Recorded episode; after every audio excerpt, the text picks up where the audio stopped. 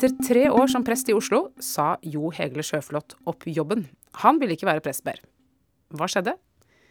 Du hører på Dokka, en podkast fra Vårt Land, og jeg heter Åste Dokka. Gjesten min i dag er altså Jo Hegle Sjøflot, og han er teolog og jobber som vikarlærer og musiker. Velkommen, Jo. Takk.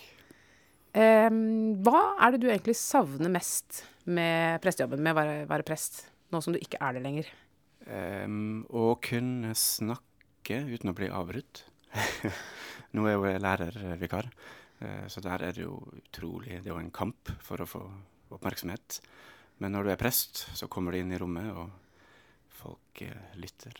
Ja, Er de bare stille, eller Nei, lytter de faktisk? Uh, ja, altså det er jo av og til når du har presterollen i en menighet, så får du jo en spesiell posisjon nesten uansett hvor du er. Men men det er særlig i gudstjenesten. Komme opp på prekestolen, og folk er liksom helt uh, stille. Og jeg, jeg, står der og har et kvarter. Ja. Det er jo ganske digg. Jeg lurer på om det er derfor, hvis du ser sånn nesten enhver prest som har jobba en tid som prest, bare er sånn fylt av en verdens mest naturlige selvtillit. Fordi de er så vant til å bli lytta til at de, de bare ja, ja, har blitt ja, sånn. jeg skjønner hva du mener. Um, jeg, jeg kunne gjerne hatt mer av den sjøltilliten, for jeg var liksom nervøs eh, hver gang. Men, uh, men det var likevel kult å stå og liksom ha eh, Ja, du har noen ting du har tenkt ordentlig på, og nå må alle sitte. Eh, altså, de må ikke høre det, men eh, eh, det føles i hvert fall bra. mm. Eh, så alle eh, små ekshibisjonister, altså, jeg kan anbefale eh, presteyrket. hvis, ikke du blir, hvis ikke du klarer å bli liksom popstjerne, så Ja. kan du likevel få lov til å få folks oppmerksomhet. Ja, da, så jeg har det i bakhånd. Ja. Så jeg kan alltids bli prest igjen. Det er bra. Vi skal snakke mer om hvorfor du slutta som prest etter hvert, men eh, jeg tenkte vi kunne begynne heller litt ved begynnelsen. Hvorfor du begynte som prest. Ja. Eh, eller hva som drev deg til eh, teologistudiet. Ja, så jeg var jo en ung og nevrotisk og alvorlig mann, da. Eh, så når jeg skulle begynne å studere, så det kunne sikkert like så godt ha blitt eh, litteraturvitenskap eller eh, filosofi eller altså et eller annet sånt. Men jeg vokste opp i en kristen slekt og kristen familie, og eh, som du vet, gikk jo masse i ungdomsarbeidet i Nordstrand. Så når jeg på en måte trengte å løse noen sånne konflikter i meg sjøl, så var det jo teologien som var det naturlige. Eh, Det var liksom de som leverte det begrepsapparatet da, som, jeg, som jeg trengte, hvis man kan si det. Men du hadde ikke noen tanke om at eh, det studiet skulle føre til et yrke? Altså yrke eh, Nei, vi tenkte ikke sånn på den tida. Nei, jeg husker det. Vi tok sånne ting som eh, var interessant og ga en viss eh, dannelse. Men du ble jo også værende i det studiet, så det Det var noe som holdt deg Ja da, altså jeg var jo Fast. intenst interessert, altså. Det var jo um, Altså den, den konkrete foranledninga for at jeg blei veldig interessert i teologi, det var jo eh, Altså det var liksom en dag det plutselig gikk opp for meg at oi, alle mennesker, de som har levd og som lever nå, de kommer til å brenne i, i evig tid. Oh, ja. Eh, så den dagen jeg plutselig skjønte det, så tenkte jeg at oi, det var jo dumt. Um, altså litt sånn som i den der South Park-filmen, hvis du har sett den. Ja, men det er veldig lenge siden. Altså, jeg tror den kom på slutten av 90-tallet. Mm. Eh, der dør jo han der Kenny, eh, Mm. som vanlig, og så sendes jo han ut da i, eh, i kosmos. Og så kommer han først til, til himmelens port, eh, og så er det sånn telleverk over døra. Der er det sånn 300 kanskje folk som er i himmelen. da. Men han slipper jo ikke inn, så han fyker jo Mm. videre og ned eh, til helvetes port. Eh, på telleverket der så ser man at det, det er mange milliarder eh, folk. Eh, og, så, og det kommer eh, 1000 til hvert eneste sekund. Eh, og da, da kastes jo han eh, inn dit. Da. Og der er jo eh, Saddam Hussein og Gandhi og Altså alle, alle er jo der, stort Ja. Men eh, hva var det ved, hva var det ved Altså, du, du, sa det øyeblikket det gikk opp for deg at uh, nesten absolutt alle kommer til helvete, så ville du studere teologi. Hva, hva mener du? Ja, nei, altså da Jeg vet ikke helt hvor jeg fikk den tanken fra, for jeg har ikke vært utsatt for noen sånn uh, forkynnelse. Men, så det har vel plukka opp litt ting her og der, og satt det sammen sjøl, men da fikk jeg jo et intenst behov for å drive og, og finne ut av akkurat det. Sånn, hvordan i alle dager kan det her funke? Og så Det tok jo ikke så lang tid før jeg skjønte at ok, det går an å, går an å være kristen uansett, og du må ikke tro på akkurat denne eh, varianten av fortappelseslæra. fortapelseslæra. Men eh, da var jeg jo eh, ja, hooked. Altså, da, ja. da, var jeg jo inni det. Da syntes jeg det var veldig, veldig gøy. Um, ja, og du, du nevnte i stad at du har vært mye aktiv i um, Norsa menighet, og det, det, er, det, det, var jeg også, så vi kjenner hverandre fra denne perioden. Uh, og en av de tingene som jeg husker at du var involvert i, det var jo B-gjengen. Husker du B-gjengen? ja, ja, ja. Det, det var jo Kan ikke du fortelle hva B-gjengen er for noe? Ja, det var jo en sånn ung og idealistisk uh, lavkirkelig fløy av Nordstrand menighet uh, som ville ta Bibelens ord om bønn på alvor. mm. ja, så det var et eller annet om å Det var en liten organisasjon? Ja, var det, ikke det? det var sånn jeg husker ikke helt om vi hadde noen statutter, altså, men uh, vi skulle i hvert fall be mer. Ja. Vi hadde sånne jevnlige bønnemøter. Ja. Så det var sikkert litt at uh, det blei plutselig veldig mye sånn åndelige greier. Jeg var med i den der B-gjengen og jeg gikk rundt og tenkte på de der uh, helvetesteoriene. Da Ja, det blei mye sånn litt merkelig, etter mitt syn nå, da, åndelighet, som jeg fikk et sterkt behov for å eh, altså sortere. Ja. Skjønne mer av det. Mm. Og jeg tror ikke det falt meg inn da at det gikk an å ikke være kristen. Altså det var bare sånn det Sånn var det jo bare. Så ja. det var bare å finne ut altså hvilken variant av Gud er den sanne guden. Mm. Er det han uh, kjipe duste, eller er, det en, eller er det en annen? Så det var uh, teologistudium som uh, terapi?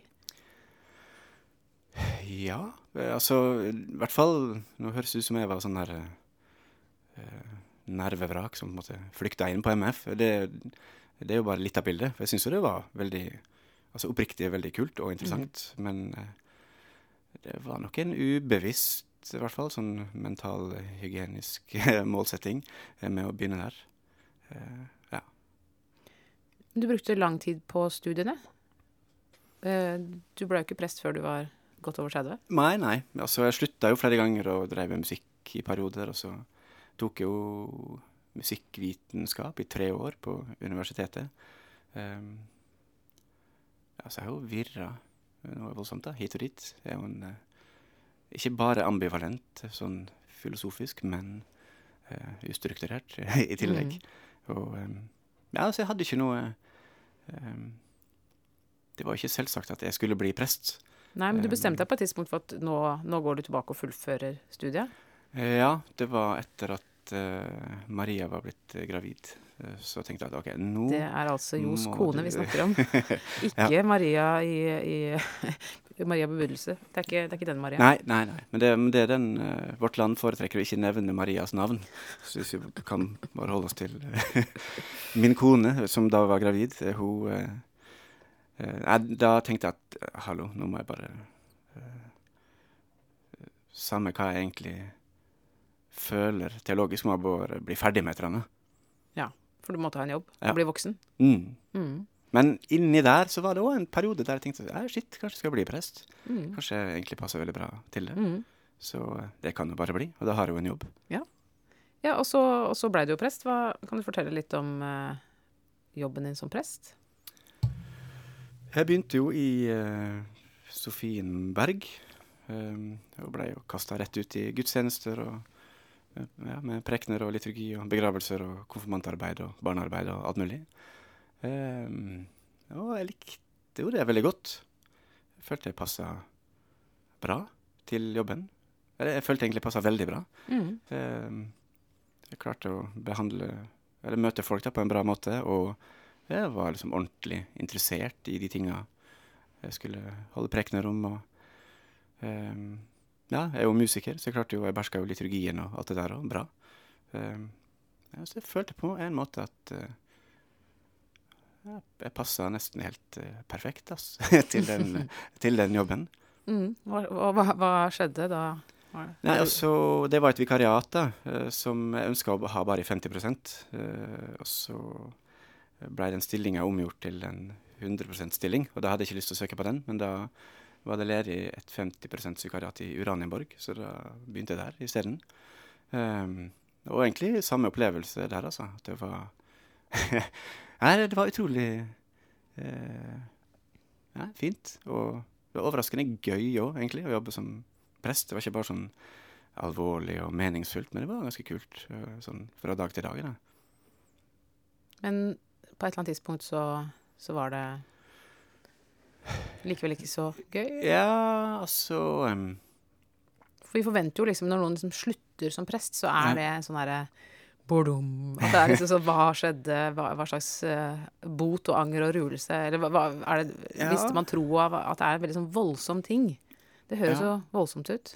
Jo da, det var jo litt voldsomt òg, sjøl om em, Altså den rent praktiske foranledningen der òg var jo at den, denne stillinga òg blei omgjort til eh, 100% Men eh, Nei, jeg har liksom holdt de prekene jeg skulle holde, da.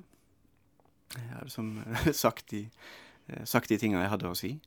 Eh, og så tror jeg som jeg har etter hvert fått det litt bedre i livet, da. Mindre, mindre nevrotisk og mer Altså mer avslappa, egentlig. Og da Altså Det var litt overraskende, egentlig, i hvor stor grad den der eksistensielle uroen var liksom motoren i teologi Altså min teologiske eh, virksomhet, da, eller hva du skal kalle det. Mm. Så at uh, din prestegjerning var på en måte født av eh, smerte, og når smerten ble borte, så var det liksom ikke noe Det var ikke gleden over evangeliet, liksom, som, som gjorde at du ville forkynne. Nei, eh, og det er jo litt Det er jo litt dumt, det, altså. Jeg har tenkt Det er jo typisk sånn jobbintervjuspørsmål. som 'Hvorfor vil du bli prest?' Og så sier folk sånn 'Ja, jeg liker å jobbe med mennesker og er opptatt av eksistensielle spørsmål' og liksom alt det der. Men eh, så blir du sikkert spurt om 'Ja, men hallo, hva med Jesus? Hva med evangeliet?' Ja. Mm. Liksom, bør ikke det òg være en av hovedgrunnene til at du eh, vil jobbe som prest? Men eh, det var ikke det, altså. Men samtidig så hadde jeg jo litt sånn dårlig samvittighet i prestejobben, for jeg følte at jeg, jeg var prest av litt feil eh, grunn. Litt fordi jeg trengte penger, og litt fordi jeg syntes det var interessant. Eller òg gøy, da, men um, Ja, hva bør være en prests motivasjon, da? det bør i hvert fall være en, en slags eh, Et evangelisk siktemål, da. Det bør være noe der du tenker sånn at dette må jeg faktisk få eh, formidla til folk. Eller ikke må, da, men dette betyr så mye for meg, eller dette Ja, dette vil jeg virkelig ha fram. Mens jeg er jo litt mer sånn altså Hvis folk ikke blir kristne, så jeg bryr meg jo ikke noe om det, egentlig. Men jeg syns det var veldig Altså, jeg, hadde på en måte litt ja, litt dårlig samvittighet her, så jeg tenkte liksom at OK, nå må jeg, må prøve å forkynne på en sånn måte at hvis denne kristne guden faktisk fins, så må han kunne kjenne igjen det jeg driver og prater om. Mm. Men hvis det nå er sånn at han fins egentlig ikke, eh, så må jeg på en måte ha et sånn slags eh, Det må være en humanisme i Mm. det òg, som gjør at eh, det likevel ikke er bortkasta å drive og, og stå der. Eh, så det var en sånn slags helgardering, kanskje. Ja. Men jeg vet ikke om det var, det var kanskje ikke noe svar på hva bør være en prests motivasjon. Men det, det, det kan jo være så mangt, da. Men jeg hadde vel i hvert fall ikke den motivasjonen som jeg trengte å ha. ja. Mm. For jeg tenker jo egentlig at det er nyttig for en kirke at prestene har litt ulike motivasjoner. Mm. At det er noen som liksom virkelig er der for å frelse folket, mens Ja. andre er der for å trøste eller for å tjene penger, eller altså det, Ja. Man må jo også kunne si at eh, det å være prest er også en jobb, Ja. eh, som man mm, Noen ganger er det trivielt, og, og mest så ser man fram til neste lønning. Mm. Det vil være sånn i alle jobber. Mm. Samme om man er engasjert, vil jeg tro. Mm. At man tenker på de pengene, da. Hvis ikke det var for pengene, så hadde vi jo kanskje ikke jobba i det hele tatt. Nei, altså jeg hadde nok jobba med mine andre ting, da, musikk og sånn. Ja. Det, det er jo eh, Der føler jeg at jeg liksom betaler penger for, for å få lov til å drive Ja. med det. Mens eh, Nei, det, det er jo mye sånn eh, vanlige jobbting òg, som du gjør som prest, selvfølgelig. Administrativt og mail og bla, bla, bla. Så du gjør jo ikke det gratis, selvfølgelig. Nei. Men jeg tror kanskje også at de som går inn i en prestejobb med, det, med et veldig sånn um, brennende ønske om å få sagt disse tingene, og at det og det skal skje med folk, og at vi skal skape dette og dette, og det er ekstremt viktig hvordan folk hører hva jeg sier, og alle de tingene der. Så Mm. det er jo en oppskrift på å bli utbrent også, så det er ikke sikkert at det er sånn veldig sunt, det heller. Nei. Men, Nei, det tror jeg du har rett i. Ja. Sånn objektivt sett så er det jo, tror jeg egentlig sånne eh, prester som Eva da, er jo ganske bra for Den norske kirke. Å ha folk som eh, ja, ikke tar kristendommens sannhet for gitt. Det gjør kanskje ikke de fleste prester nå til dags, da, men, men likevel ha folk som er sånn genuint opptatt av å finne ut av de der greiene, og formulere det på en bra, en bra måte. mm, Og jeg tror jeg var litt sånn i et dilemma òg, for jeg følte at uh, Ok, nå skal jeg først være prest, så da må jeg være sånn ordentlig prest. Da må jeg liksom snakke om de der ordentlige kristne tinga. mm, Eh, så jeg prøvde å Ja, så jeg tror jeg egentlig mener at det er bra at du er litt sånn hardcore som prest. At du tør å liksom bruke hele det kristne begrepsapparatet. Da, og være litt sånn ordentlig. Ikke være sånn livsfilosof som tilfeldigvis står i ei kirke, men som eh, ja, en sånn ordentlig prest som snakker om eh, ja, synd og nåde og soning og oppstandelse og himmel og helvete. Og liksom full, full pakke. da. Men samtidig så veit jeg liksom ikke helt hva jeg syns om den der hardcore kristendommen. Jeg liker jo bedre den der eh, milde, liberale. Men den er jo samtidig litt kjedeligere. Eh, Tror du at dersom, eh, dersom du på en måte hadde landa litt mer i det, at det hadde vært lettere? Hadde du mye, altså, var det mye kvaler knyttet til dette, eller var det Ja, det, det var det, altså. Ja. Eh, Både det at eh, Ja, sånn der hardcore kristendom at, eh, Det er ikke sikkert at folk oppfatta mine prekener som så veldig hardcore, altså, men, eh, men jeg følte det sjøl, i hvert fall. Ja. At eh, mm, eh, nå måtte jeg prøve å være veldig eh, kristen. mm, Um, men um, Nei, det hadde, vært, det hadde vært interessant å se hva det hadde blitt til hvis jeg hadde blitt der over tid. Og liksom måtte finne ut av For jeg hadde jo hele tida en følelse av at jeg kommer ikke til å gjøre det her hele livet. Men hvis jeg hadde hatt den følelsen, da, dette skal jeg gjøre hele livet, så nå må jeg faktisk eh, finne en liksom, teologisk eh, modus da, som er, er levelig. Eh, personlig, men òg troverdig, egentlig, som teologi. da. mm. Når, når du har eh, slutta, er det noen ting som du er liksom, lykkelig over å slippe å holde på med lenger? Noe du liksom virkelig var godt og bare huh. Ja, altså de siste prekene jeg skrev, da eh,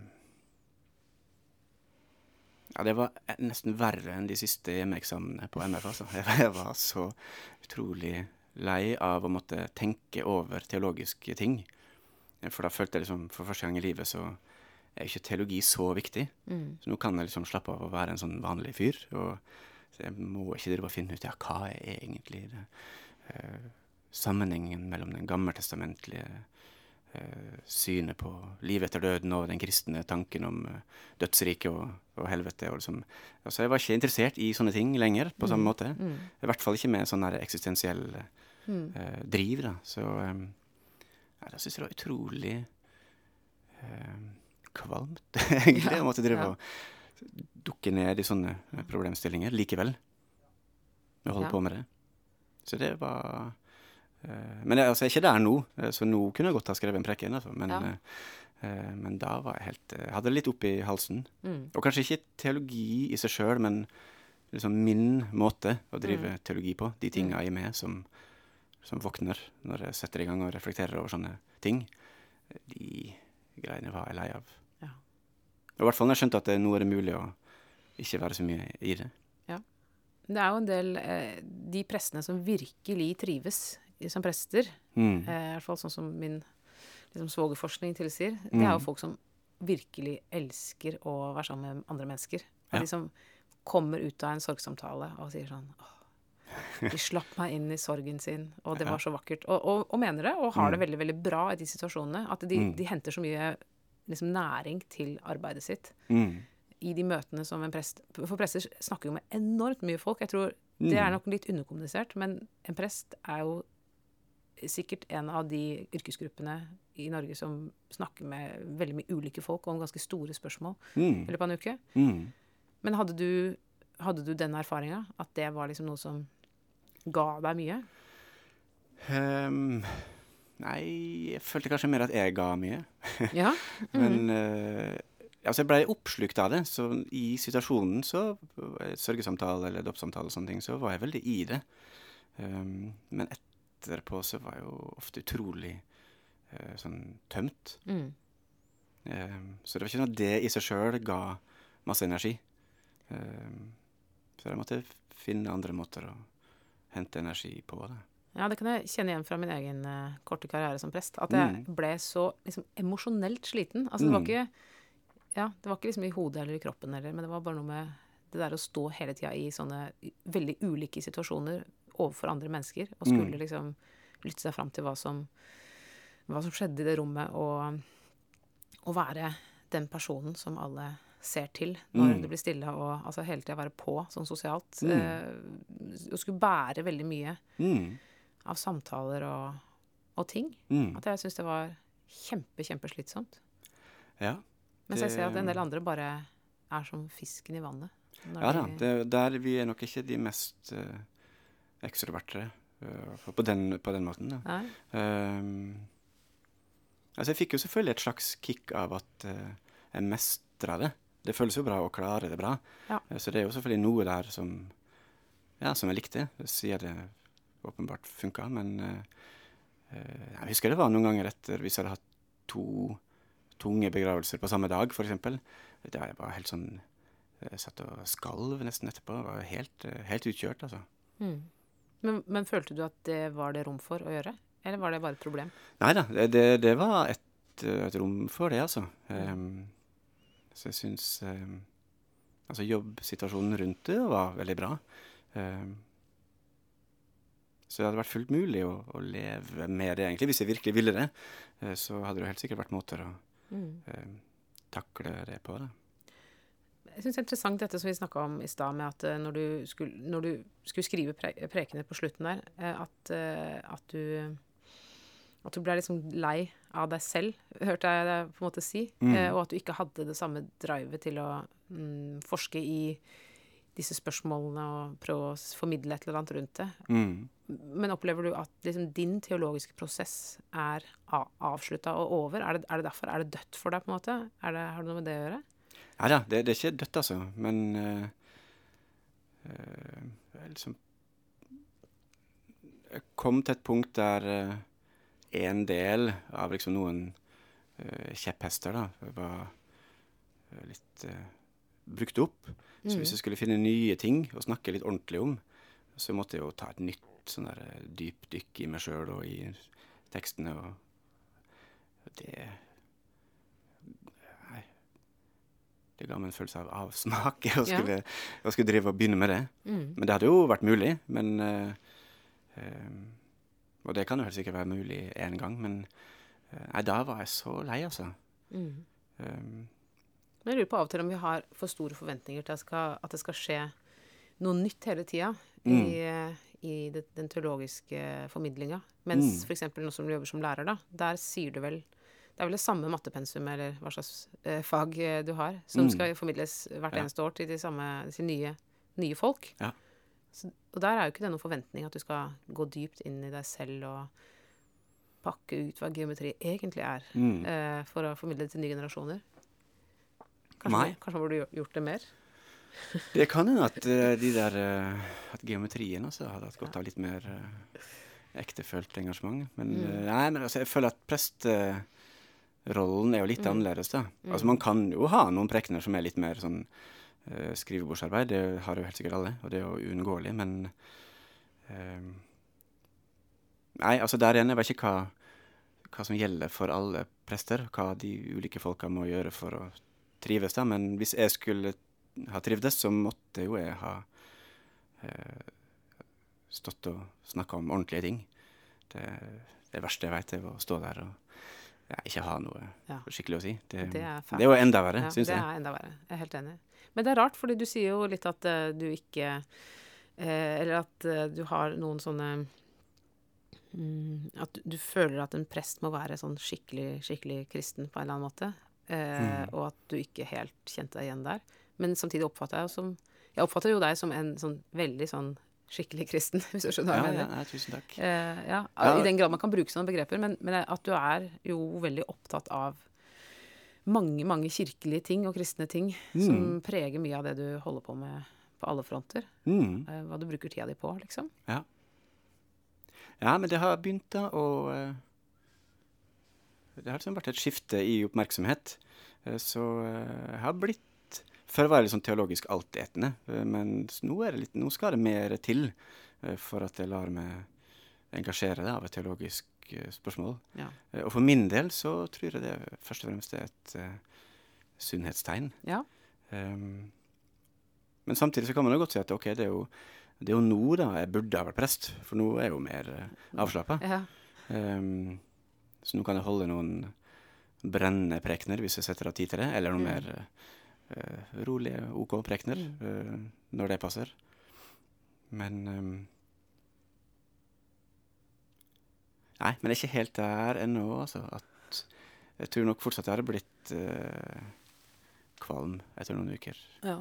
Man blir jo lei av seg selv i denne verden. Ja. Men er det egentlig noe morsommere å være lærervikar? Nei. Uh, utrolig mye kjedeligere. Eh, altså KG er veldig bra skole, eh, så det er jo fint å, veldig fint å være der. Og det er jo fint å møte elever og sånn, ehm, og for så vidt eh, de lærerne jeg snakker med på lærerværelset. Men jeg gjør jo ikke noe ordentlig sammenlignet med det jeg gjorde før. Ehm, så det er jo eh, Nei, det er jo ikke noe tilfredsstillende det i, i lengden i det hele tatt. Eh, så jeg, blir, jeg kommer jo i hvert fall ikke til å bli her til, til evig tid. Nei. Men det er for det er musikk du tenker at du skal Ja, det er jo musikk jeg driver med helt klart mest. Ja. Um, så har jeg jo dessverre overhodet ingen uh, utsikter til å kunne tjene sånn ordentlig Altså levebrød, da, Mm. på det. Mm. Ehm, nei, så sånn sett det er jo Det er jo en litt rar situasjon å være i. Å være sånn 39 år og så har tatt en sånn utrolig lang utdannelse, som jeg i tillegg brukte utrolig mye lengre tid på enn jeg hadde trengt. Så endelig ferdig, og endelig fått jobb. Så sier jeg sånn Nei, jeg tror ikke det. Um, Kunne du av og til ønske at det var en eller annen slags sånn ytre situasjon som gjorde, som tvang deg inn i noen, noen valg, så du slapp å Jeg ser, meg, jeg ser egentlig for meg eh, en sånn uh, islandsk film, jeg. mm, Med et sånn lite samfunn hvor det Mm. går og gnurer en sånn sauebonde. Som alle vet at egentlig er prest. Men som, mm, Og så trenger de en prest, og så må han gjøre det. Og så blir alle lykkelige til slutt. mm. Ja, Han altså Jeg har nok Åpner seg mot sånt, menneskene. Uh, ja, jeg kunne nok uh, vært han, ja. Mm. Uh, jeg passer nok bedre til å skrive prekener enn å drive og pløye jorda. Altså.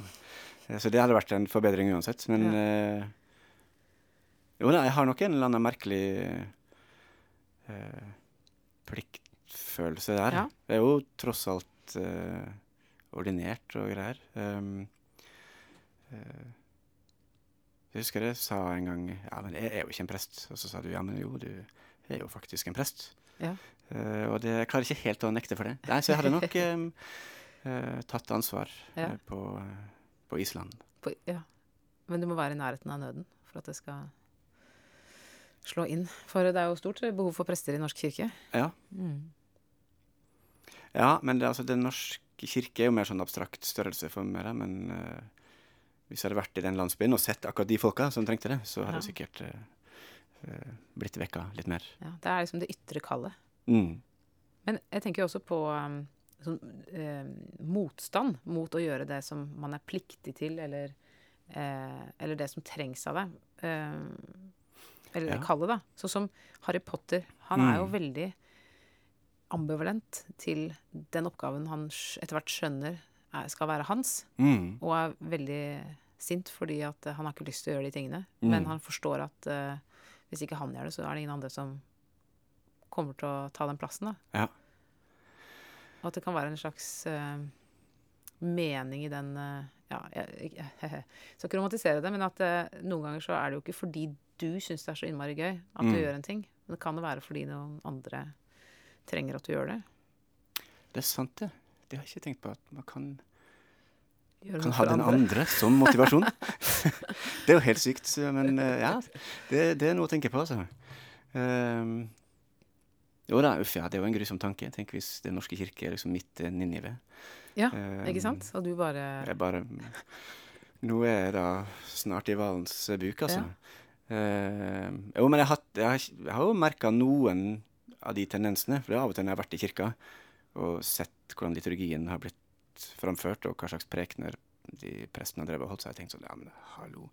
Sånn går det ikke an å holde på. Så da, da klør det jo i fingra. Da Ja. får du lyst til å eh, liksom, ja, vise folk hvordan dette, ja. dette skal gjøres. det, det kan jeg kjenne veldig godt igjen. Jeg husker Spesielt i studietida syns jeg noe av det mest eh, egentlig inspirerende jeg kunne oppleve, var en skikkelig, skikkelig dårlig gudstjeneste. Mm, ja, jeg, er helt enig. Dette kan jeg gjøre bedre. Ja. Ja. Altså, sånn sett er det jo veldig tilfredsstillende nå å kunne sitte i kirkebenken og virkelig Hovere. mene det ene og det andre, da. Nei, synes det, Men, eh, det syns jeg er fælt. Mm, Jeg liker egentlig best å slappe helt av mm. hvis jeg sitter i kirkebenken. Og det, men, det, men det rykker jo i eh, en eller annen muskulatur, altså. Ja. Når, eh, når jeg ser sånn eh, dårlig eh, prestehåndverk. Mm. Da blir jeg irritert. Jeg merker at jeg kan liksom ikke helt la være å ha lyst til å overtale deg til å vende tilbake til neste jobben. men, Ja, nei, du, takk for det. Jo, jeg tenker jo at Um, Men eh, det skal jeg prøve å holde med. Men jeg, jeg tror det er, det er litt sånn provosering fra min side også, for jeg tenker Mm. jo på en måte at egentlig burde jeg også jobba som prest. At det er mm, Jeg, jeg kjenner meg liksom igjen i Mm. mange av tingene, eh, Mm. og føler at det er feighet, da, å ikke gå inn i alt det fine og dumme. Jeg har tenkt det. Den norske kirke vet du, sliter, og her sitter vi to. Ja. To prester som ikke Som er prester. virkelig Ja. Ja. Tror du at du kommer til å komme tilbake noen gang?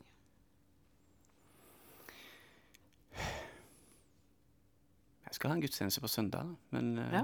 uh, så jeg tar jo noen sånne frilansoppdrag. Uh, Eh, men jeg veit ikke. Det kommer jo litt an på ja, hva som skjer med musikken. Jeg kan jo alltids uh, først mislykkes sånn grovt som musiker, og så bli en sånn uh, bitter prest. Ja, Eh, Det er flott. Nei, nei, men jeg, jeg tror det, det kommer an på hvordan jeg takler den derre uvissheten. Altså, ja Før så syns jeg jo hele det spørsmålet Fins Gud, fins ikke Gud? eh, Det var jo veldig spennende å snakke om, og jeg syns jo det eh, ja, utrolig fett å drive og reflektere over det i rammen av kirka, og drive og eh, ja, holde prekener og ja, ja, være en del av en sånn refleksjon da, hele tida. Men nå så blir det litt mer sånn Jeg blir av og til litt sånn eh, ille berørt av eh, at jeg bruker da eventuelt så mye tid av livet på noe som er så eh, diffust begrunna som kristendommen. Det er liksom så veldig store eh, det, det, det føles som pretensiøst, da. Um, hele det opplegget med alt vi sier om livet. Altså, ja, hvor har vi det fra? Eh, og, og det syns jeg var gøy før, å drive og begrunne. Mens nå er jeg litt mer sånn Ja, jeg blir litt flauere på Mm. egne vegne. Mm. Um, Samtidig som jo kirka jo er alt annet enn diffus. Den forholder seg jo til konkrete menneskers konkrete behov, og mm. til å være et fellesskap for folk og Ja da, Ja. så jeg syns eh, sånn sett så Det er ikke noe vanskelig akkurat de tinga du gjør som prest, er jo ganske greit, fordi eh, ja, rollen er så tydelig, og du, de tinga du da leverer, er veldig gir veldig mening i situasjonen, men det er mer sånn etterpå, når du liksom i selskapslivet må drive og si 'jeg er prest', og så bare 'å, er du prest', ja. Og så må du drive og ja, 'Hvordan kan du være kristen?' og tro på en gud når sånn og sånn, eller Ja. eh, Men det Mm. du sier ikke det lenger, altså? Du slutta å si at du er prest? Eh, ja, nå Ja. sier jeg at jeg er eh, lærervikar. Ja. Ja, og det, og det er ganske deilig, for å slippe å ta ansvar for uh, ja, de der store spørsmåla. Det, det, det er jo deilig å tenke på det. Altså, det er jo første gang i livet som jeg kan, altså siden i, i voksen alder, da, der jeg kan bare helt for min egen del fundere på sånne ting, men uten å være en del av et teologistudium eller en prestejobb. Da. Så det eh, Jeg trenger sikkert i hvert fall litt tid på å bare være en sånn vanlig jo, og se hva slags uh, type tenkning som faller meg naturlig da, når jeg ikke trenger å, å forsvare det i forbindelse med en uh, rolle. da. Så om ti år så kommer du tilbake og danner ditt eget trossamfunn? Ja, jeg tror det. Eh, Der uh, Vi tillater faktisk kvinner, så der kan du jo få Ja, med. Yes. Mitt høyeste ønske. Jo, Hegle Sjøflot, tusen takk Mm. for denne praten. Du har hørt på podkasten Dokka fra Vårt Land. Jeg heter Åste Dokka, og produsent i dag har vært Sondre Bjørdal. Og vet du hva? Du kan abonnere på Vårt Land digitalt for bare 10 kroner for 100 dager. Les mer om vilkårene på vl.no tilbud. Og den lenka ligger også i beskrivelsen av denne podkastepisoden på spilleren din. Ha en fin dag.